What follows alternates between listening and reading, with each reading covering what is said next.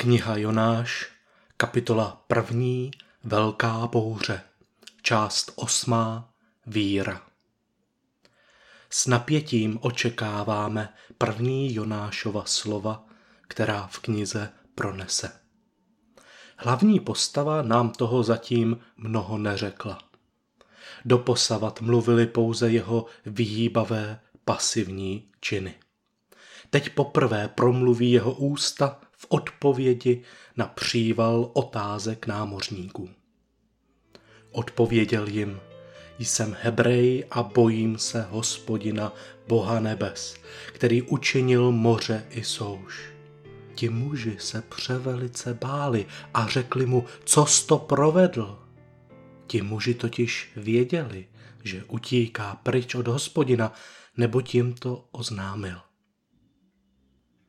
Otázky vedou Jonáše k tomu, aby vyřkl jak svůj názor, tedy to, co si myslí, tak svůj příběh, tedy to, co udělal.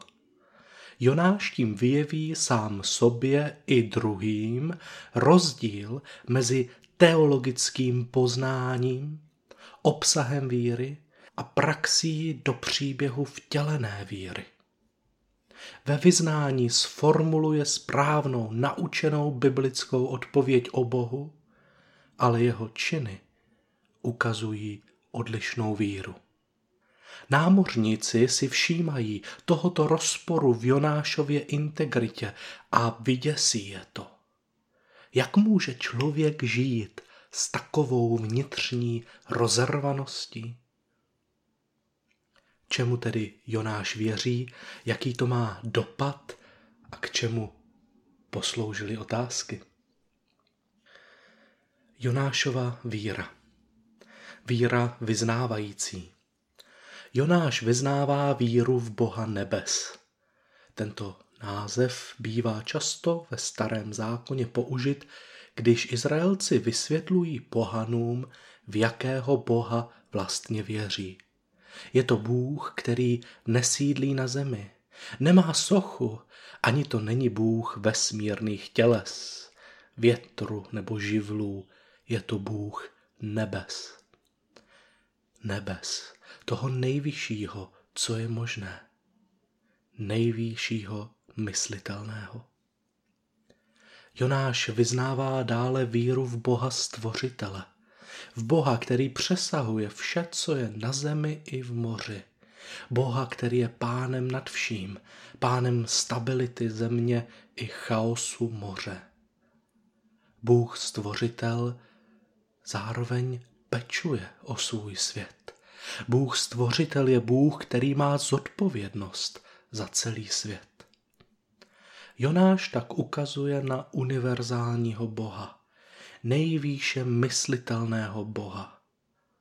Oproti tomu námořníci mají více malých bohů. Boha větru, boha moře, boha bouře. Tak Jonáš do toho politeistického myšlení námořníků vyznává víru v univerzálního jednoho boha, který všechny dílčí bohy převyšuje na jedné lodi se nám tu odehrává starověký náboženský dialog.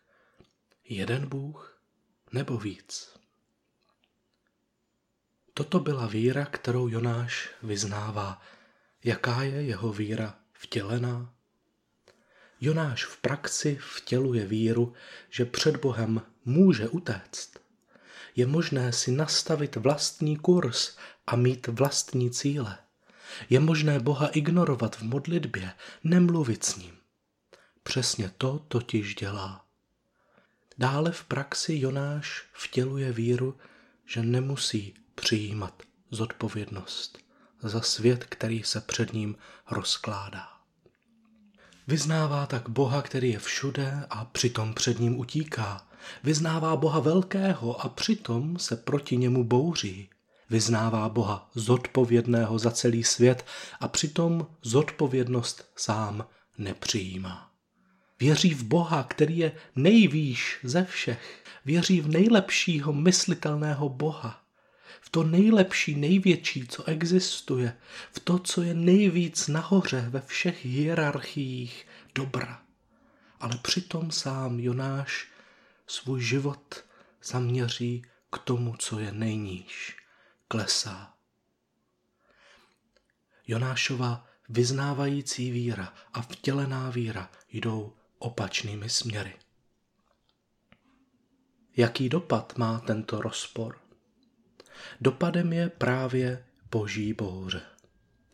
Bouře vznikají v atmosféře ve chvíli, kdy dojde ke střetu, například teplého a chladného vzduchu, dvou odlišných proudů s odlišnou vlhkostí, teplotou, tlakem. Tyto proudy na sebe narazí a v tom nárazu se vyrovnávají a vyrovnávají se bouří. Není se tedy co divit, že i důsledkem Jonášova vnitřního rozporu je bouře. Jak mohu očekávat, že svět bude fungovat, když žiji ve lži a postrádám integritu? Takové chování zákonitě přináší bouře. Část mě něco říká a část mě něco jiného dělá. Nedostatek integrity. Vnitřní rozervanost. Jen si to zkuste na pár týdnů žít s tajemstvím, o kterém nikdo neví. Zkuste si vést dvojí život, lhát sobě, lhát blízkým. Je to neskutečně vysilující a vede to k bouři. Námořníci toto vědí, vycítí to z Jonášových odpovědí a vyděsí je to. Nechápou, jak se mohl Jonáš takto zachovat. Už po druhé jsou Jonášem pohané, nemile překvapeni. Jednou, když spal, a teď, když jim vyprávěl o rozporu mezi svou vírou a svým chováním. Jonáš pro ně není dobrým příkladem člověka, není dobrou boží značkou. Na druhou stranu brzy uvidíme, že to nebylo překážkou k tomu, aby byl svědectvím o dobrém Bohu. K čemu nakonec posloužily otázky? Otázky námořníků vedou Jonáše k tomu, aby se rozpovídal. A když už se rozmluví, tak to z něj jde všechno ven. Klidně mohl mlčet, klidně mohl zamlčet, že utíká před Bohem. Ale on to na sebe práskne. Četli jsme, sám jim to totiž řekl. Minule jsme si připodobnili otázky ke klepání na dveře. Když už je Jonáš pozval dál, ukáže jim víc, než možná původně chtěl. Určitě se vám to někdy stalo, že jste se rozpovídali a byli sami překvapeni, co všechno říkáte, co se ve vás ukrývá. Zároveň měl Jonáš možnost dostat zpětnou vazbu na rozpor, který v sobě měl. Tak jako když k vám domů přijde nečekaná návštěva. Najednou ten malý nepořádek, ty nedokonalosti, které tam jsou v bytě, vidíte novýma očima, protože se na ně díváte očima vašich hostů. Neříkáte si, to uklidím zítra. Říkáte si, co si asi řeknou. To stejné má šanci zažít Jonáš. Díky odpovědím, které dává námořníkům, artikuluje svá přesvědčení a zjišťuje, že jsou v naprostém rozporu s realitou, jeho chování. Je to jako když by hosté přišli do zanepořádkovaného bytu a uprostřed něj seděl v křesle rozvalený člověk, který vykládá, jak je pro něj úklid vysokou hodnotou a jak rád uklízí a jak rád má uklizeno. A vy se rozhlédnete okolo něj a řeknete si, no to fakt ne. A tím mu pomůžete vidět rozpor mezi vírou vyznávající a vírou vtělenou.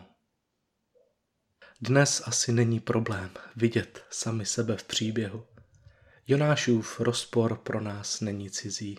Je běžné, že naše vědomá racionální vyznání jsou zralejší než naše vtělená víra. Už naši předkové s tím měli problém. Proč jinak by jim Jakub psal, že víra bez skutků je mrtvá? Jedním z důvodů je i to, že se v církvi učíme správně, zrale věřit, vyznávat, vyhýbat se hříšnému chování, ale málo kdo nás trénuje ve vtělené víře, ve vtělené zbožnosti a dobrých skutcích. Naše vědomosti o Bohu zdaleka, zdaleka přesahují to, co jsme schopni v danou chvíli vtělit do světa. V jakého Boha věříš a jakého Boha vtěluješ? To jsou dvě odlišné věci. Mohu vyznávat víru v Boha lásky a přitom žít se zarmoucenou tváří umouněného kajícníka. Mohu vyznávat Boha přijímajícího, Boha vztahového a přitom se stydět a nutit druhé, aby se před Bohem styděli. Mohu vzývat Boha stvořitele země a přitom chtít tuto zemi už už opustit do nebe nebo ji svým chováním něčit. Mohu nazývat Boha svým pánem, ale reálně se s jeho vůlí stotožním jen když po mně chce něco, co já sám chci. Každý takovýto rozpor vede k bouři.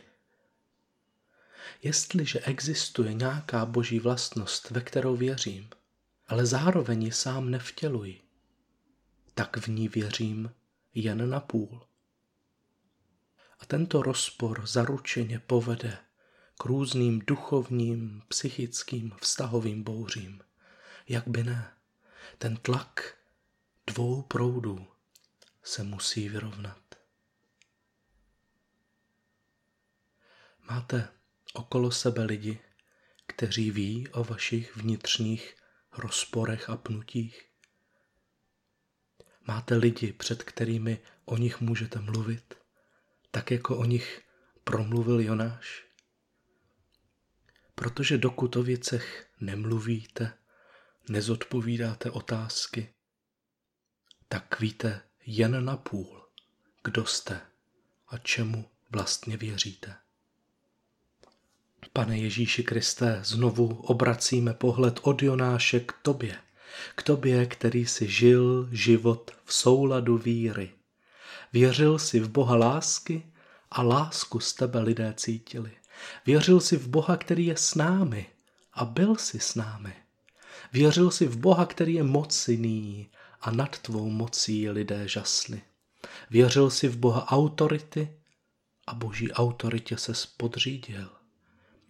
Věřil si v Boha, který se utrpení nebojí, dokonce si pošpiní svoji vlastní pověst, dá sám sebe lidem. A to stejné si udělal ty. Jsi naším mistrem, pane Ježíši. Od tebe se učíme vtělovat svou víru do světa. Vylaď nás sám na sebe. Chceme žít v pravdě. Děkujeme ti za bouře, které přinášíš do našeho života a které nám ukazují na rozpor mezi naší vírou vyznávající a vtělenou. Děkujeme ti za lidi, které, kteří se nás ptají. Děkujeme za lidi, před kterými nemusíme být dokonalí. Amen.